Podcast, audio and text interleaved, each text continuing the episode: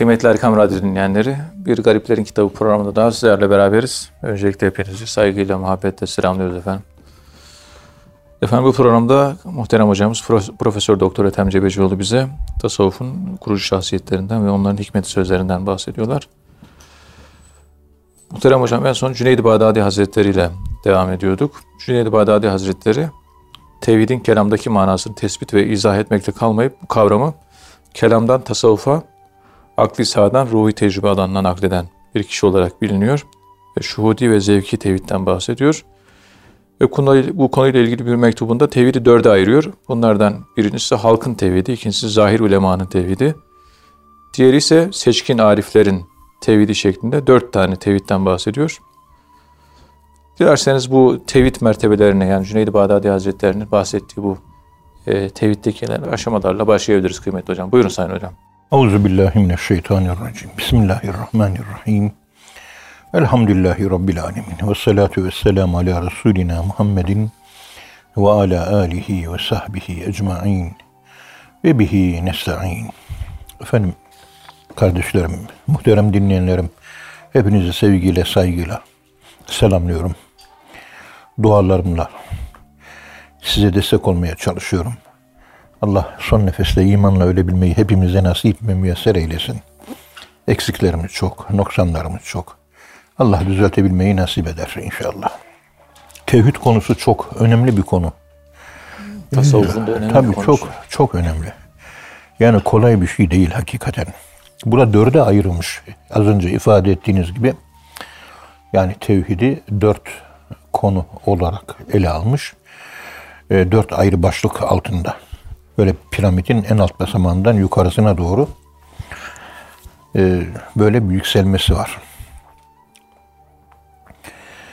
Birinci basamak işte genel halkın yani halka ait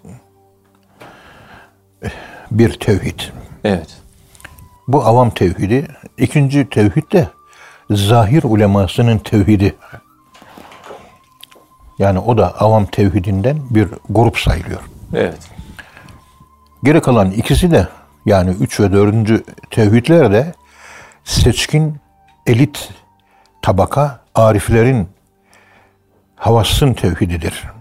Ve hassül havasın tevhididir. Yani alimlerle avamı bir e, kefede görüyor. Evet. Şimdi bakıyorsunuz tefsir, fıkıh, hadis biliyor, Arapça biliyor. Ama avam hayat içinde hayatı yaşaya yaşaya alimlerin niçin avam olduğunu yıllar içerisinde anladım. Şimdi böyle bir fıkıh alimi bizzat işte gazetelerde yazar, takip ediyorum. Verdiği fetvalara da uyuyorum. Seviyorum çünkü. Allah razı olsun. Tasavvufla ilgili biraz yazılar falan yazdı. Evet. Yazısını okuyup da yazısını okuyup da tebessüm etmediğim tek bir yazı olmadı. Evet. Bilmiyor. Şimdi nasıl anlatırsın? Böyle biliyormuş edası içerisinde yukarılarda bir abi imiş gibi e, falan. Ya insan böyle bir yazarken ya bu konunun 50 sene çalışan adamları var. Ben şurada fıkıh konusu içerisinde tasavvufa 300-400 tane konu çalıştım. Bir tanesi de bu. Yani benim bütün bilgimin 500'de biri, 300'de biri.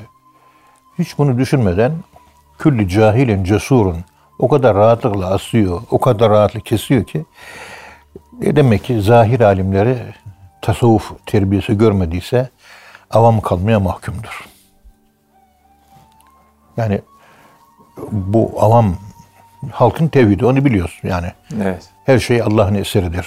Allah rızası için çalışır. Namazını kılar. Şeriatın emirlerini yerine getirir. En avam bu olmuş oluyor. Daha üzerine ek bir şey yok. Yani şeriatı içselleştirmemiş. Evet. Şeriatı öznelleştirmemiş ve öznelleştirdiği zaman da marifet denilen, hakikat denilen bir takım oluşumlar meydana gelecek.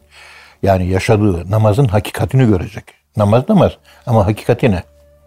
Neyi ifade ediyor? Bunu bilemeden yaşar, ölür. Zahir alimler de böyledir aynı şekilde. Evet. Yani kitapta okur öğrenir ama hayatına geçiremez. Çünkü Allah Allah diye manevi yolda bir zikir tecrübesi ve temrini geçirmeden bunu bilebilmek ve murakabe derslerini geçmeden, dört tane murakabe derslerini geçmeden bu konuştuğumuzun ne manaya geldiğini anlayamadan yaşayacak ve anlayamadan ölecektir. Yani şimdi bu o fıkıh hocası arkadaşa e, şimdi nasıl anlatırım diye epey düşündüm. Yani e, Molla Kasım mantığı. Yani dıştan söyledikleri hiçbir şey yanlış değil, doğru. Ama havas, ehal, ehassül havas ve tasavvuf büyüklerinin, irfan ehlinin anlatmaya çalıştığı bazı hakikatlerin yanında işte 5-6 yaşında çocuk gibi kalıyor. Yani eksik. Kemalata ermemiş, öznelleştirilmemiş. Yani içselleştirilmemiş. Evet. içinde hakikati bulunmamış bir İslam yaşamaya insanlar eğer seyri sürü çıkarmadılarsa buna mahkum olurlar. Yani bunu daha pek çok örneklerini de gördüm. Mesela fıkıh alimi ama derviş. Bazen böyle tasavvufi e, muhteva ile ilgili yazılar gönderiyorum sağa sola. E, geri dönüşü fıkıhçı mıdır? Fıkıhçıdır. Onun tesiriyle galiba çok basit konuları anlamakta zorlanıyor. Bir şey de diyemiyorsun. Evet. Ya kendi arkadaşımız, muhterem kardeş. Tasavvufun özüne inememiş daha. Fıkıh bu şekilde bir sanki perdeliyor gibi.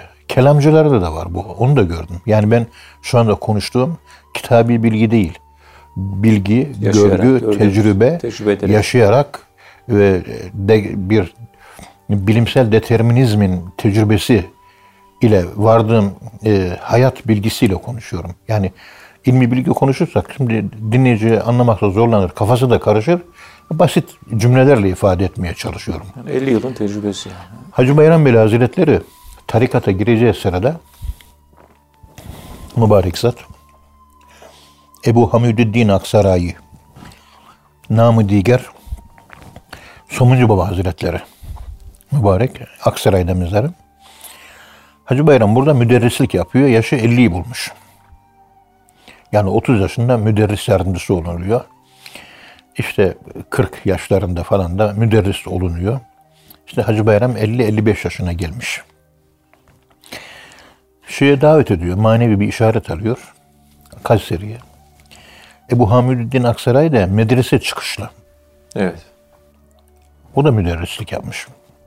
Yani o da zahir uleması e, tecrübesinden tasavvufa geçmiş birisi. Hacı Bayram'a geldiği zaman Kayseri'de 5-6 tane alimin mezarının önünde böyle kabir tefekkürü yap diyor.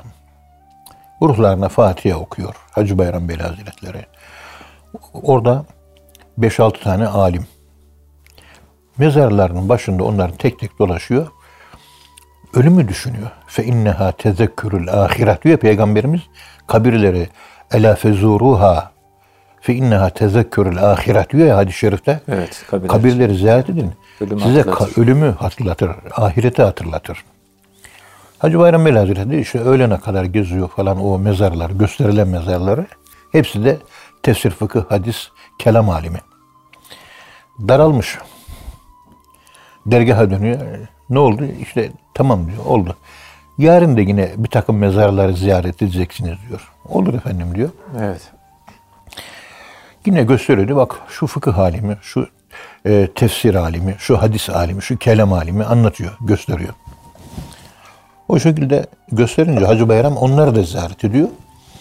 O mezarların başında da kabir ahvalini, ölümün hakikatini düşünüyor ama rahatlıyor. Bir gün önce ziyaret etmiş olduğu mezarlarda kalbi çok daraldı. Bugünkü yeni mezarlar, başka mezarlar. O da onlar da alim, bunlar da alim rahatlıyor. Öğlenleyin dergaha geldiğinde Ebu Hamidüddin Aksaray Hazretleri diyor ki dünkü ziyaretlerinle bugünkü ziyaretlerinin arasında bir fark var mı diyor. Evet. Öyle söyleyince Hacı Bayram Bey Hazretleri dün ziyaret ettiğim alimler diyor. Nasıl olduysa çok daraldım diyor. Daraldım. Bunaldım diyor. Bugün ziyaret ettiklerim ise Beni rahatlattı, genişletti diyor. Bunun sebebi nedir efendim diyor. Ey müderris Numan diyor. Hacı Bayram'ın adı esas Numan. Dün ziyaret etmiş olduğun tefsir, fıkıh, hadis, kelam, zahir uleması tasavvufi seyir sülük çıkarmamışlardı. Evet. Manevi kemalatları yoktu. Bilgi kemalatı var. Bilgiden doğacak manevi kemalat yok. Yok. Tasavvuf, tasavvufun en büyük faydası bu. Bütün alimler hep bilgi kemalatı. Manevi kemalat bilgisiyle bütünleşmek yok. Evet. Bugün ziyaret ettiklerinde hepsi bir tarikat mensubu. Hepsi işte geleneksel, irfani, kadim insan yetiştirme okullarında, tarikatlarda zikir tecrübesi, teheccüd tecrübesi, murakabe, efendim muhasebe, ölüm bunları tasavvuf, takva, İslami incelikle yaşamak böyle insanlardı. Ehli sülüktü bugünküler diyor. Evet. Ve onlar manevi olarak da olgunlaşmıştı. Hem ilmi olgunluk hem de manevi olgunluk. İlmi olgunluk demek manevi olgunluk demek değildir. Evet. İnsan olmak ayrı bir olaydır. Bilgi ayrı. Hazreti insan olmak ayrı bir olaydır. Alim olmak ayrı bir olaydır.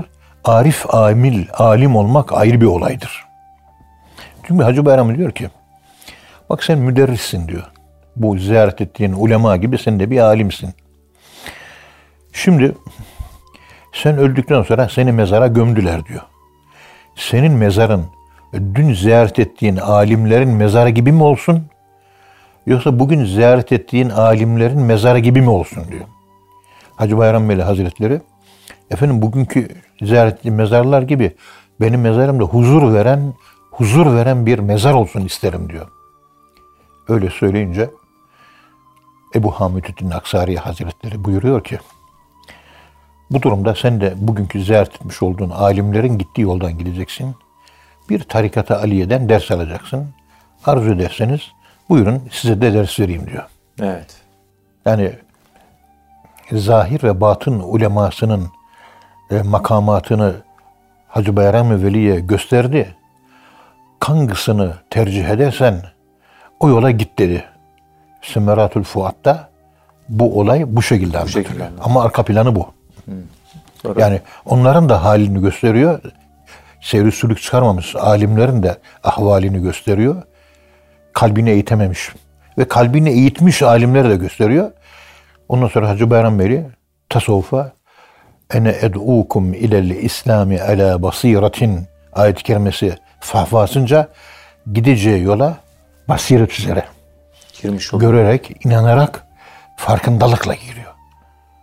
Keşke bugün insanlar böyle tasavvuf yoluna girmeden önce Hacı Bayram Veli Hazretleri'nin yaşadığı bu tecrübeyi, bu içsel tecrübeyi yani inner experiment, experimentation, iç tecrübeyi yaşayıp da o şekilde girseler ne iyi olur. Evet. Körü körüne giriş var. Fenerbahçe Galatasaray takımını tutar gibi şeyh tutuyor. Tarikat tutuyor. Ondan sonra da adam yetişmiyor maalesef. Hep zahirde kalmışlık olayları söz konusu. Efendim burada havasın tevhidi tevhidin birinci mertebesinde Allah'ın birliğini dile getiren salik tevhidin birinci derecesinde sadece Allah'ı görür zahiri ve batini amel olarak niyetler, kalbindeki zanlar, düşünceler hep pozitiftir. Allah'ın rızasına uygundur. Ve zahiri amelleri de şeriatı yerine getirmek ve takva üzere yaşamak şeklinde bu tevhidin birincisi.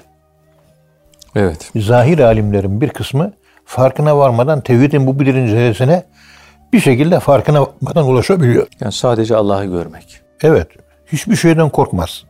Sadece Allah'tan korkar. Birinci derece tevhid. Allah'tan başka hiçbir şeye rağbeti yoktur. Yani Allah'tan başka hiçbir rağbeti yok deyince paraya tapmıyor demektir. Makam mevkiye tapmıyor demektir. Rağbet etmiyor. Bugün Müslümanların binde 999'u Allah'tan başka şeye rağbet ediyor. Birincisini tevhide dahi, birincisini tevhide bile girmiyor. Bu mertebeye ulaşılamıyor. Yok. Ulaşamamışız. Yok. Hakkın tecellileri karşısında sadece hak için hakkın emirlerine uyar. İkinci mertebede salik, ya tevhidin dört mertebesinden ikincisinde salik Allah'ın huzurunda varlığı gölge varlık olarak görür. Allah var, hiçbir şey yok. La mevcude illallah. Bakar, her şey hayaldir. Gölgedir. Hakikat. Arkenin açılmış ve gölge olarak, hayal olarak görüntüsüne ibaret. Onun için insanlar uykudadırlar. Ölünce uyanırlar. Ölünce uyanırlar.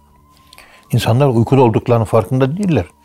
Uykuda yaşıyoruz zannediyorlar. Halbuki hadis-i şerife göre ve nasu bin niyami iza matu isteykazu veya bir hadis-i şerifte intebehu uyanırlar diyor. Ölünce uyanırlar. Ölün, ölünce uyanırlar diyor. Yani bu, bu dünya hayatı gerçek hayat değil yani. Evet. Ve innel ahirete lehiyel hayvan.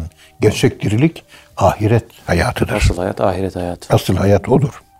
Bu seviyede ikinci mertebede olan derviş her şeyi hayal görür ve bütün kainatı idare edenin Allah olduğunu farkındadır. Başına taş düştü. Başına taş adamın adama bakmaz, attıran Allah'a bakar. Ya Rabbi bir kusurum mu vardır? Birinci dereceden tevhid sahibi olursa bunu kul attı zanneder. İkinci dereceden olursa Allah'ın attırdığının farkına varır. Utanır. Ben bir hata mı yaptım da bu benim başıma geldi. Sebebül esbabı görür. Yani. Sebebe bakmaz. Sebebi değil. Birinci mertebede sebeplere bakmak var. İkinci sebepler kalkmıştır. Evet. Başına gelen hayır ve şer hepsi Allah'tan. Hepsi Allah'tan. Minallahi Teala vel basu ba'del mevt diyoruz ya. Hayri, hayri ve şerri min Allah. Hepsi Allah'tan geliyor. Ve hakkın davetinden haberi vardır. Ve kendisine emir verilmiştir. Onun da farkındalığı vardır. Yani artık bu üçüncü, dördüncü derecede olan e, böyle bir yapı hakikaten çok ilginç. Allah'ın huzurunda onun hakiki varlığını bulduğundan kendinden geçmiştir. Evet. Üç ve dördüncü mertebe artık bunlar. Yani kendilik ortadan kalkmıştır. Bir tür kozmik kimlik yitimi ne maruz kalmış? Kozmik kimliğe, Allah'ın rengine bürünmüş. Mevlana ben kimim diyor. Kendimi kaybettim. Söyleyin ben kimim diyor. Yani yürümesi, konuşması, gezme her şey Hepsi Allah'tan. Allah'tan. Allah'tan. Allah'ın rengini almış. Yani beşeri özellikler kalmamış. Yapması, etmesi hep Allah'ın yaptırması, ettirmesiyle. Yani her şey Allah'tan. Bunun farkında. Cenab-ı Hakk'ın tasarrufunda. O tasarrufun farkında olarak yaşamaya başlayınca işte bu teslimiyeti gerektirir. Tam teslimiyet. Evet. Benim aklım var. İyi doğruyu ayırt edebilirim diye nefsini hakem olarak ortaya koyarsan çok yanılırsın. Evet. Allah'ı hakem olarak ortaya koyarsan bu yanılma olayı ortadan kalkar. Allah yanıltmaz. Evet. Kendine güvenenlerin ya kendisine güvenenleri ateşe bile atılsa Hazreti İbrahim gibi ateşten mutlaka kurtarır. Bütün dava Allah'a sadakat, Allah'a bağlılık, Allah'a tam teslim olmak, kendini tam vermek, tam tevekkül etmek, tevfiz, tevhidin hakikatleri bunlar. İşte 3 ve 4. derecedeki tevhidlerde bu şekilde böyle nehir akıyor, nehirin akıntısına bırakıyorsunuz, gidiyor. Tahte ve mecari el akdar, tahte mecaril akdar, kaderin akıntısına altında kendisini münhemik görür, müstehlek görür ve tamamen kendi e, beşeri kimliğini kaybetmiştir. İlahi bir kimlik kazanmıştır. Buna Allah'ın boyası diyoruz Kur'an tabiriyle. Hiçbir kul Allah olamaz. Mümkün değil. Evet. kendisinde tasarruf eden, yöneten ve yönlendiren sadece Cenab-ı Hak'tır. Bu mertebede kulun vardığı son başa dönmüştür. Yani baş demek olmadan önceki durum. Yani dünyaya gelmeden önce bir saflığımız var değil mi? Bu tevhidin mertebesine erişen bir kimse dünyaya gelmeden önceki küntüm emmaten sümme ahyeynâküm sümme yumütüküm sümme üyyüküm ayet-i kerimesinde ifade edildiği gibi bu dünyaya gelmeden önce neredeydik? Küntüm emmaten ölüm var oluşundaydık.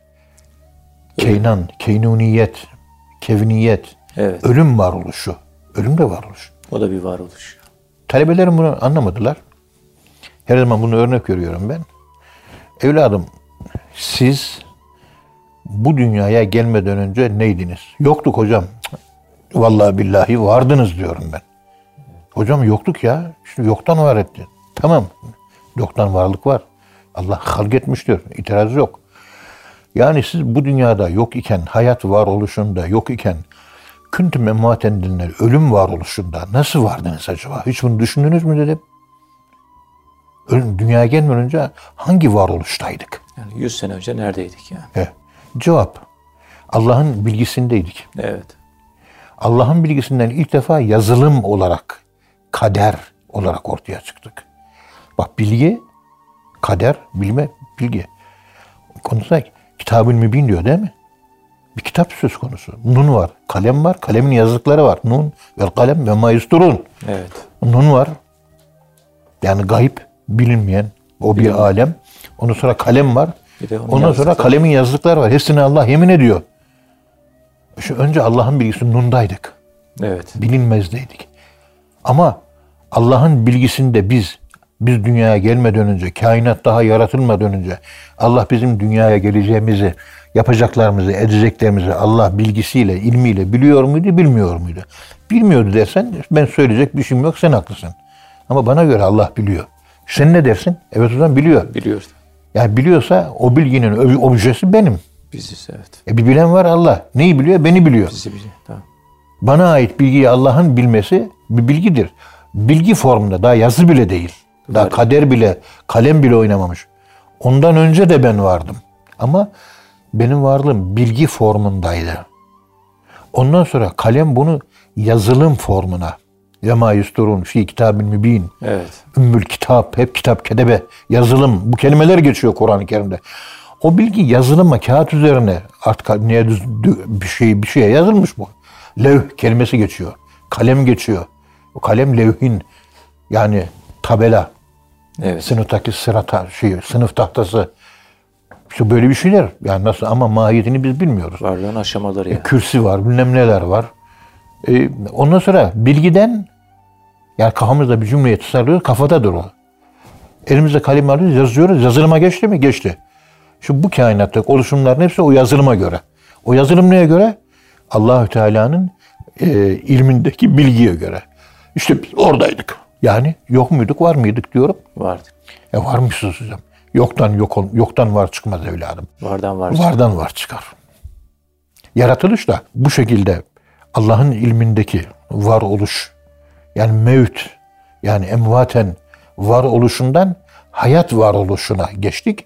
Bundan sonra ölünce yine ölüm var oluşuna yok oluş kelimesini kullanmıyoruz. Kâne yekûnü değil mi? Tabii. Yani ölüm varoluşuna, ondan sonra bir daha dirileceğiz. Ondan sonra yine hayat varoluşuna geçeceğiz. Ölüm varoluşu, şu anda hayat varoluşunda. Yarın ölüm varoluşuna geçeceğiz. Dirileceğiz, yeniden hayat varoluşuna geçeceğiz.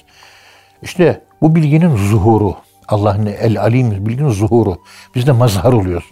Allah'ın bütün sıfatlarının zuhur ettiği yer. İşte birinci mertebede Nur-u Muhammediye'de hepsi birleşik haldeydi isimler. İkincisinde açıldı kader o zaman ilk defa yazılım o zaman başlıyor bilginin şeyi. Evet. Hatta ondan sonra başlıyor. Ondan sonra bizim e, misal alemindeki yazılanlar bir e, yazı şekle dönüşüyor. Mesela diyor ki şu apartmanı şöyle yap böyle yap düşünüyorum. Yazıyorum. Mimara veriyorum. Mühendise veriyorum. inşaat. İşte giriş kapısı böyle olsun şöyle ağızdan anlatıyorum. O da o yazı halinde yazıyor. Yazdıktan sonra o talimata göre şekil çiziyor değil mi? Proje. He. O şekle göre de bu bina yapılmıyor mu? Evet. İşte biz yapılmış binalarız. Bir önce projeydik. Çizim halindeydik. Ondan önce dogos, kelam, kelam-ı ilahi. Ondan önce bilgi. Ondan önce Allah'ın bilmesi. Bilmesinden önce Allah'ın zatı. Zatından önce zatının zatı hüve. Evet. Bakın yaratılış mertebelerinin bu şekilde sıralanması anlamayı da kolaylaştırıyor. Ve biz buna Allah'ın yaratması yoktan yaratılıştır ibaresiyle inanıyoruz ve bu inanmamız da doğru bir inançtır. Allah nasıl takdir ettiyse ezelde, ilminde orada vardık. O şekilde biz ortaya şu anda çıkmış bulunuyoruz. Evet.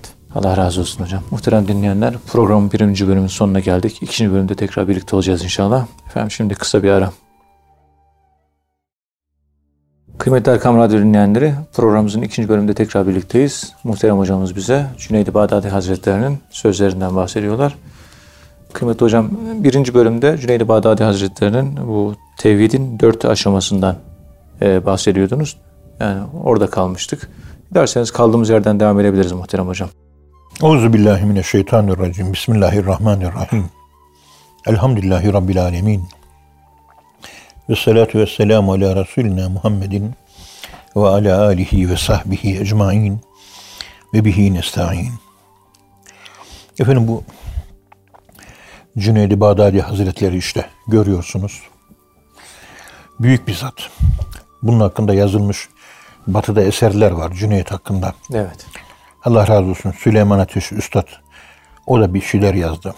Bir iki doktora master tezi var. Efendim söyleyeyim bir 150 tane makale yazılmıştır belki şimdiye kadar. Kelamcılar, İslam felsefecileri ve bizim tasavvufçular tarafından. Ama bu yeterli mi acaba? Bakın önemli bir bir dönemeç. Abdülkadir Gilani'den daha üstün bir evliya. Ve ondan önce yaşamış. Yani Seyyid Taife. Evet. Tasavvuf deyince pek çok Allah adamı arif geçmiş. Birinci adam Cüneyd-i Bağdadi'dir. Evet. Şimdi şöyle bizim Hattat Hamit Aytaş'ın çok güzel yazıları var. O Şeyhülislam Mustafa İzzet'in yazmış olduğu Ayasofya'nın içinde işte Allah, Hazreti Muhammed, işte Ha- Hazreti Ali, Hazreti Osman, Hazreti Hasan, Hazreti Hüseyin böyle yakalar var. Büyük levhalar var. Uğur Derman Necmettin Okuya'dan işitmiş galiba. Şöyle nakletti. Ayasofya'daki Hüseyin yazısına bakın. Şöyle baktığınız zaman hani gözümüzden yaş gelince bir damla oluşur gözün kapağında değil mi? Evet. Bir göz göz ve altında damla.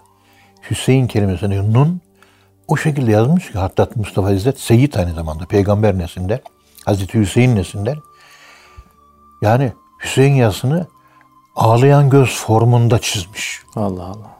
Şimdi bakıyoruz mesela muhterem Hamit Aytaç onunla ilgili beş tane makale yok. O kadar kafa çalışan entelektüeller var. Bir fıkıhçı Hamit Aytaç'ı yazsın.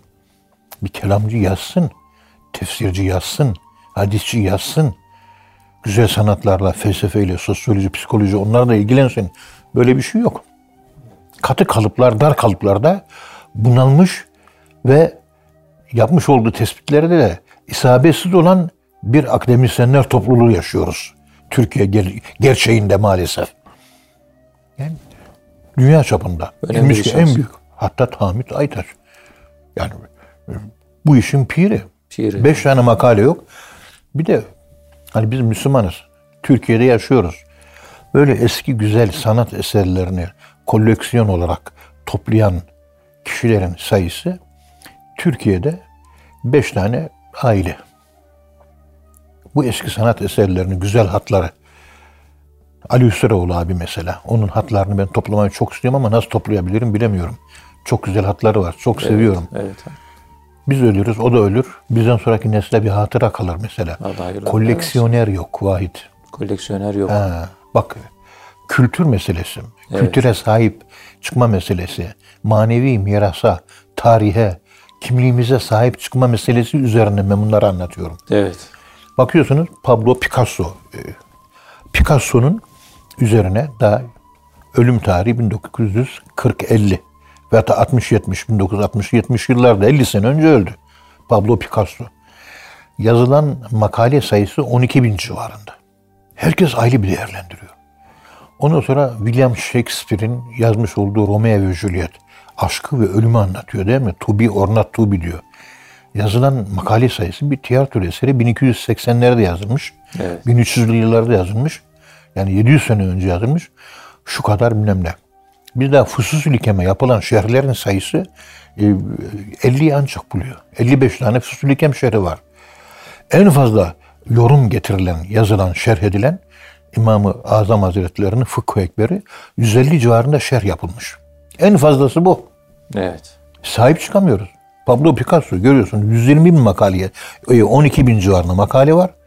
E, Onun hakkında yazılan kitapların sayısı da bine yaklaşmış vaziyette. Herkes bir ayrı açıdan diyor. Bir siyasa, siyaset bilimci Picasso'yu değerlendiriyor. Ya bizde bir hatta Tamit Aytaş. Hani biz tasavvuf olarak yakınız da güzel sanatlara. Bir de kelamcı nasıl anlıyor bunu? Bir fıkıhçısı nasıl anlıyor? İşte o kadar entelektüel, akademisyen var. Bu sanata, efendim söyleyeyim, sosyolojiye, psikolojiye, felsefeye, efendim kültüre, medeniyet e, kurgusuna, siyasete, ekonomiye dair kendi açısından, senin açısından ne ifade ediyor? Yazan bir tane adam yok. Yok. Yok. Ondan sonra geri kalmışlık yaşıyoruz. Eskiden alimi kül, her şeyi bilen alimler vardı. Şimdi alimi cüz, particle scholar, parçacı alimler. Kendi alanını biliyor, öbür alanın körü. Biz zenginleştir. Tefsir, fıkıh, hadis hepsini bil. Felsefe oku, sosyoloji oku, psikoloji oku, fizik, kimya oku, astrofizik oku. Evet. Yeni dünyadaki trendleri tespit et. Yeni fikirlerine, onlarla bir yüzleş. Onları bir tart. Bak deizm konusu konuşuluyor. Harıl harıl gençlerimiz deizme, şeriatı inkar ediyor, Kur'an'ı Allah bilmem inkar ediyor. Allah var diyor, bana karışamaz diyor. Kaç tane ilahiyatçı, kaç tane makale yazdı. Yok. Şey, işte Aynun Hazretleri sırf deizmle ilgili yazdığı makale sayısı onu geçti. Evet ayrı. Müstakil, Tek başına. Müstakil kitabı var. Akademisyen değil. Ama akademisyenlerin akademisyeni. Problem edinmiyoruz. Ay başında 16 bin lira maaş görüyor. Ek derslerle beraber bir profesör 16 bin lira alıyor biliyorsun. Evet. 14 rahat alıyor da kimisi 16'da alıyor mu? Evet alıyor. O para aylık geliyor mu? Ondan mutmain oluyor. Bitti. Evet. Üç tane talebeyi çağır da odan da falanca Arapça kitabı okut. Ve hatta yeni bir eser meydana getir. Onun üzerinde e, tartışmalar aç. Konuş, izah et. insanlara faydalı ol. Talebe yetiştir. Bu da yok. Odun gibi geliyor, odun gibi gidiyor. Ya odun gibi gelip odun gibi gitme. Bir izin kalsın. Nehire battın ıslak çık. Nehire batıyor, kuru çıkıyor. Yani deizm konusunda en başta kelamcıların mesela çalışması. Yok hepimizin çalışması. Herkesin çalışması gerekiyor. Hepimizin. Ben bile tasavvuf hocası olmama rağmen deizmle ilgili bir çalışma yaptım. 60-70 sayfalık var. Felsefi açıdan ele aldım. Olgunlaştıracağım. Yanlışlık olmasın diye. Yayınlayacağım. İnşallah. Ben kendi açımdan tasavvuf hocası olarak bunu yapmaya çalışıyorum. Ateizmle ilgili bir iki tane yazı yazdım. Yani her konuda bir Yahudiler hakkında konuşabilmem lazım. Evet. Bu dünya siyaseti, Amerika, Çin kavgası bunları bir benim açımdan bunlar ne ifade ediyor? Dünyadan ben bigane kalamam. Geçmiş alimler sosyal olaylardan bigane kalmamışlardı. Kopuk, hayattan kopuk. Alim yetişmiyor artık. Evet. Ay başında geliyor 14 bin lira, 15 bin lira maaş, ek ders ücretiyle beraber. Onlar tatmin oluyor, geçiyor, gidiyor, bitiyor. Tamam. Çok yazık. Biraz idealist olmak lazım. Masanın başında oturayım, profesörlük yapayım. Ayağıma gelsinler, akıl vereyim, fikir vereyim, çay içeyim. iki efendim söyleyeyim, tavla oynayayım. Bir iki satranç, dama bilmem ne oynayayım. Bunlarla vakit geçiriyor. Oturuyor, lüzumsuz siyasi dedikodular atılıyor. Fenerbahçe, Galatasaray, altın döviz fiyatları, arsa fiyatları, villa fiyatları, Borsa. otomobil fiyatları bunlarla meşgul oluyor. Ya senin bunlarla meşgul olacak vakti- vaktin var mı ya? Günde 16-18 saat okuma yapıyorum. Vallahi bana saatler yetmiyor ya. Elimi kaldırıyorum ya Rabbi. Bana zaman içinde zaman yarat. Bütün ilimleri bilmem lazım benim. Daha önce anlattım. Bir Yahudi aklını anlayabilmek için 1970 senesinden 1990 senesine kadar 20 sene Time dergisi okudum. Evet. Yahudi aklını anlamak için anladıktan sonra aklı Yahudi okumaya gerek kalmaz artık. Bir kere o aklı tanımak. Kur'an'da zaten tanıtıyor o aklı.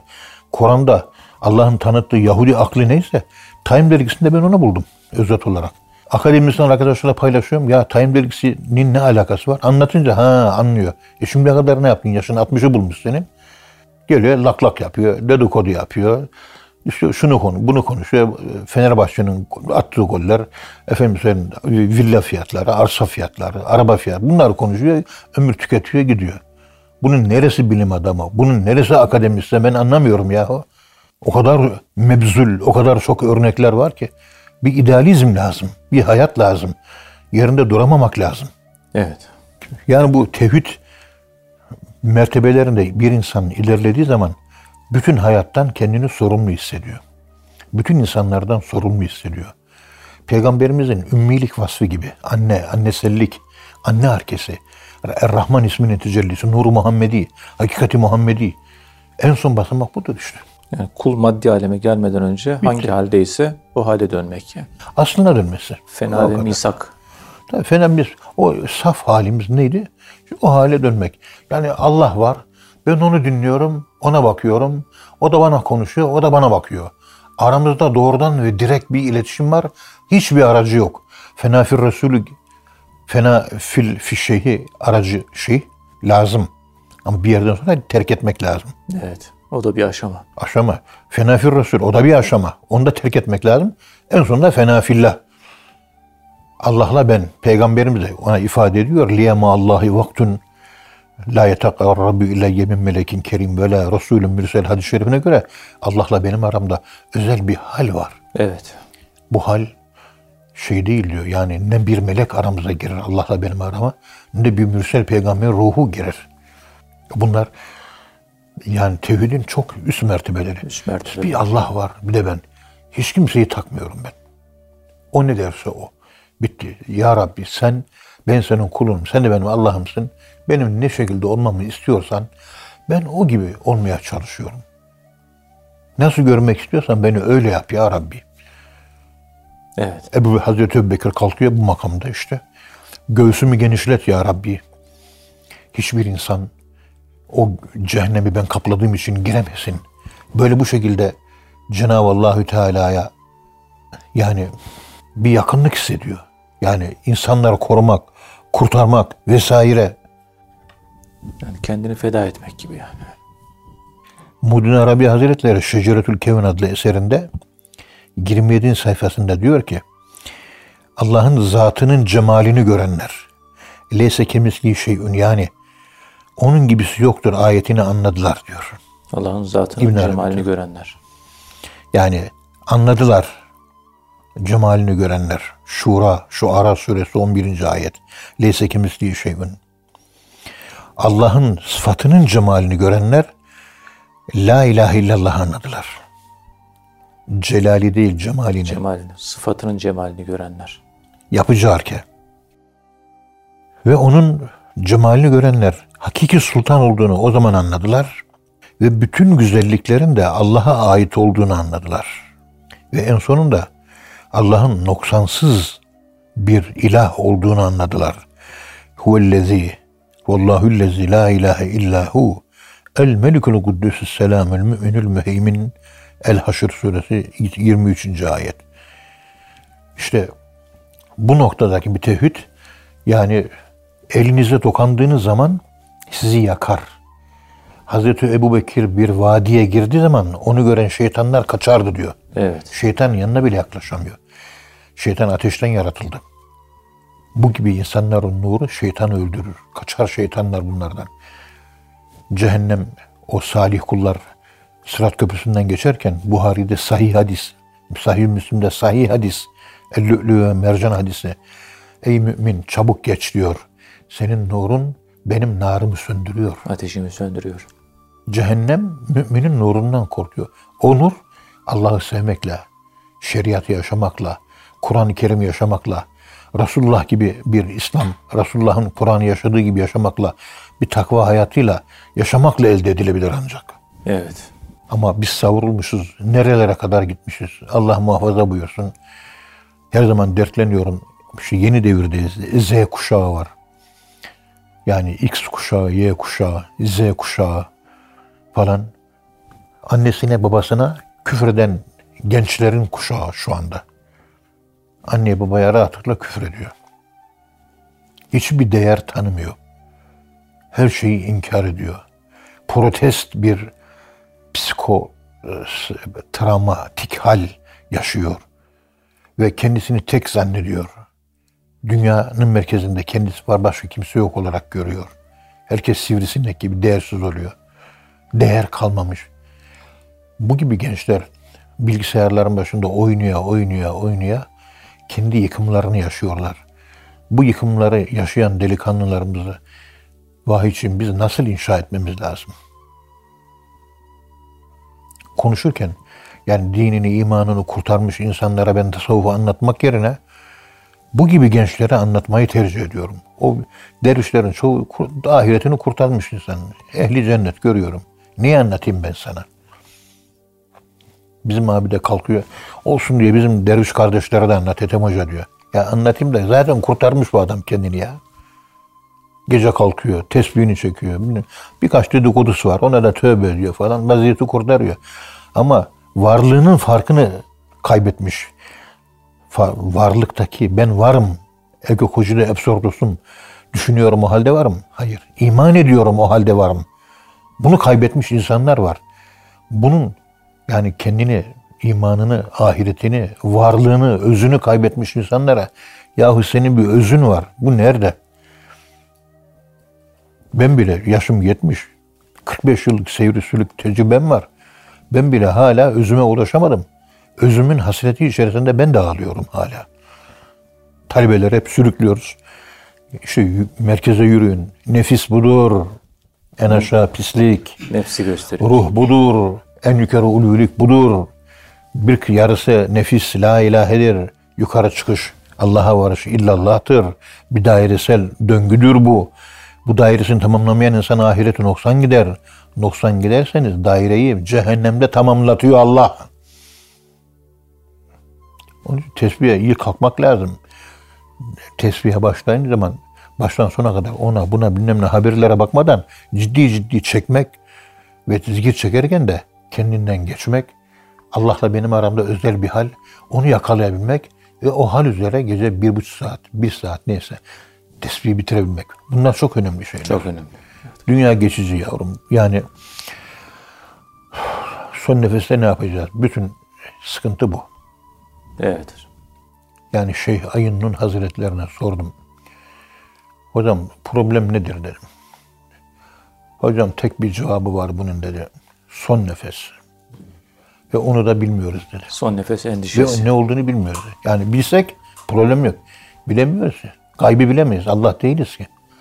Bilemediğimize göre son nefes kaygısını her an son nefesmiş gibi hissetmek işte imanın dördüncü mertebesi. O noktada olan bir kimse ölümü seven insan haline geliyor. Her an ölümü hatırlıyor. Ölümle aynileşen Cuma suresinin 6 numaralı ayet kerimesine göre Allah'ı seven ölümü sever, ölümü seven Allah'ı sever. Cuma suresi ayet 6. Evet. Ölümü seven insan ben görmedim Vahit'ciğim. Onun için her an ölüme hazırız. Gücüm yettiği kadar ben de hatırlamaya çalışıyorum. Ben de unutuyorum. O kefenimi aldım da önümde. Bir yandan çalışma aşamasında çalışıyorum. Bir yandan gözümü kaldırıyorum. Kefenime bakıyorum. Kefenim de bana bakıyor. Ben buradayım diyor. Ben de ona ben de buradayım diyorum. Tamam. Sana kavuşacağım az kaldı. Kefenim önümde. Çalışma odamda. Bu yetmiyor. Bu da yetmiyor bana. Eskiden vücudum hareket ederdi, gider gelirdim. Artık bacaklarım tutmuyor. Mezarıma yatar. Mezar aldım, asli mezarlıktan. Onun üzerine şöyle bir yatardım. Oh bir 15 dakika. Ama ne kadar rahatlardım. Ölüm hep rahatlatıyor. Ölüm rahatlatıyor. Serinlik geliyor. Buz gibi. Huzur. Huzur Allah'a kavuşmak. Allah'a kavuşmak da ölmek demektir. Olay bu. Evet hocam. Anlayana sivrisinek saz, anlamayana etem hoca az. Allah razı olsun hocam. Hepinizi saygıyla selamlıyorum. Çok teşekkür ediyoruz. Allah razı olsun hocam. Kıymetli dinleyenler hocamıza çok teşekkür ediyoruz. Efendim bir programın daha sonuna geldik. Bir sonraki programda buluşuncaya dek hepinizi Allah'a emanet ediyoruz. Hoşçakalın efendim.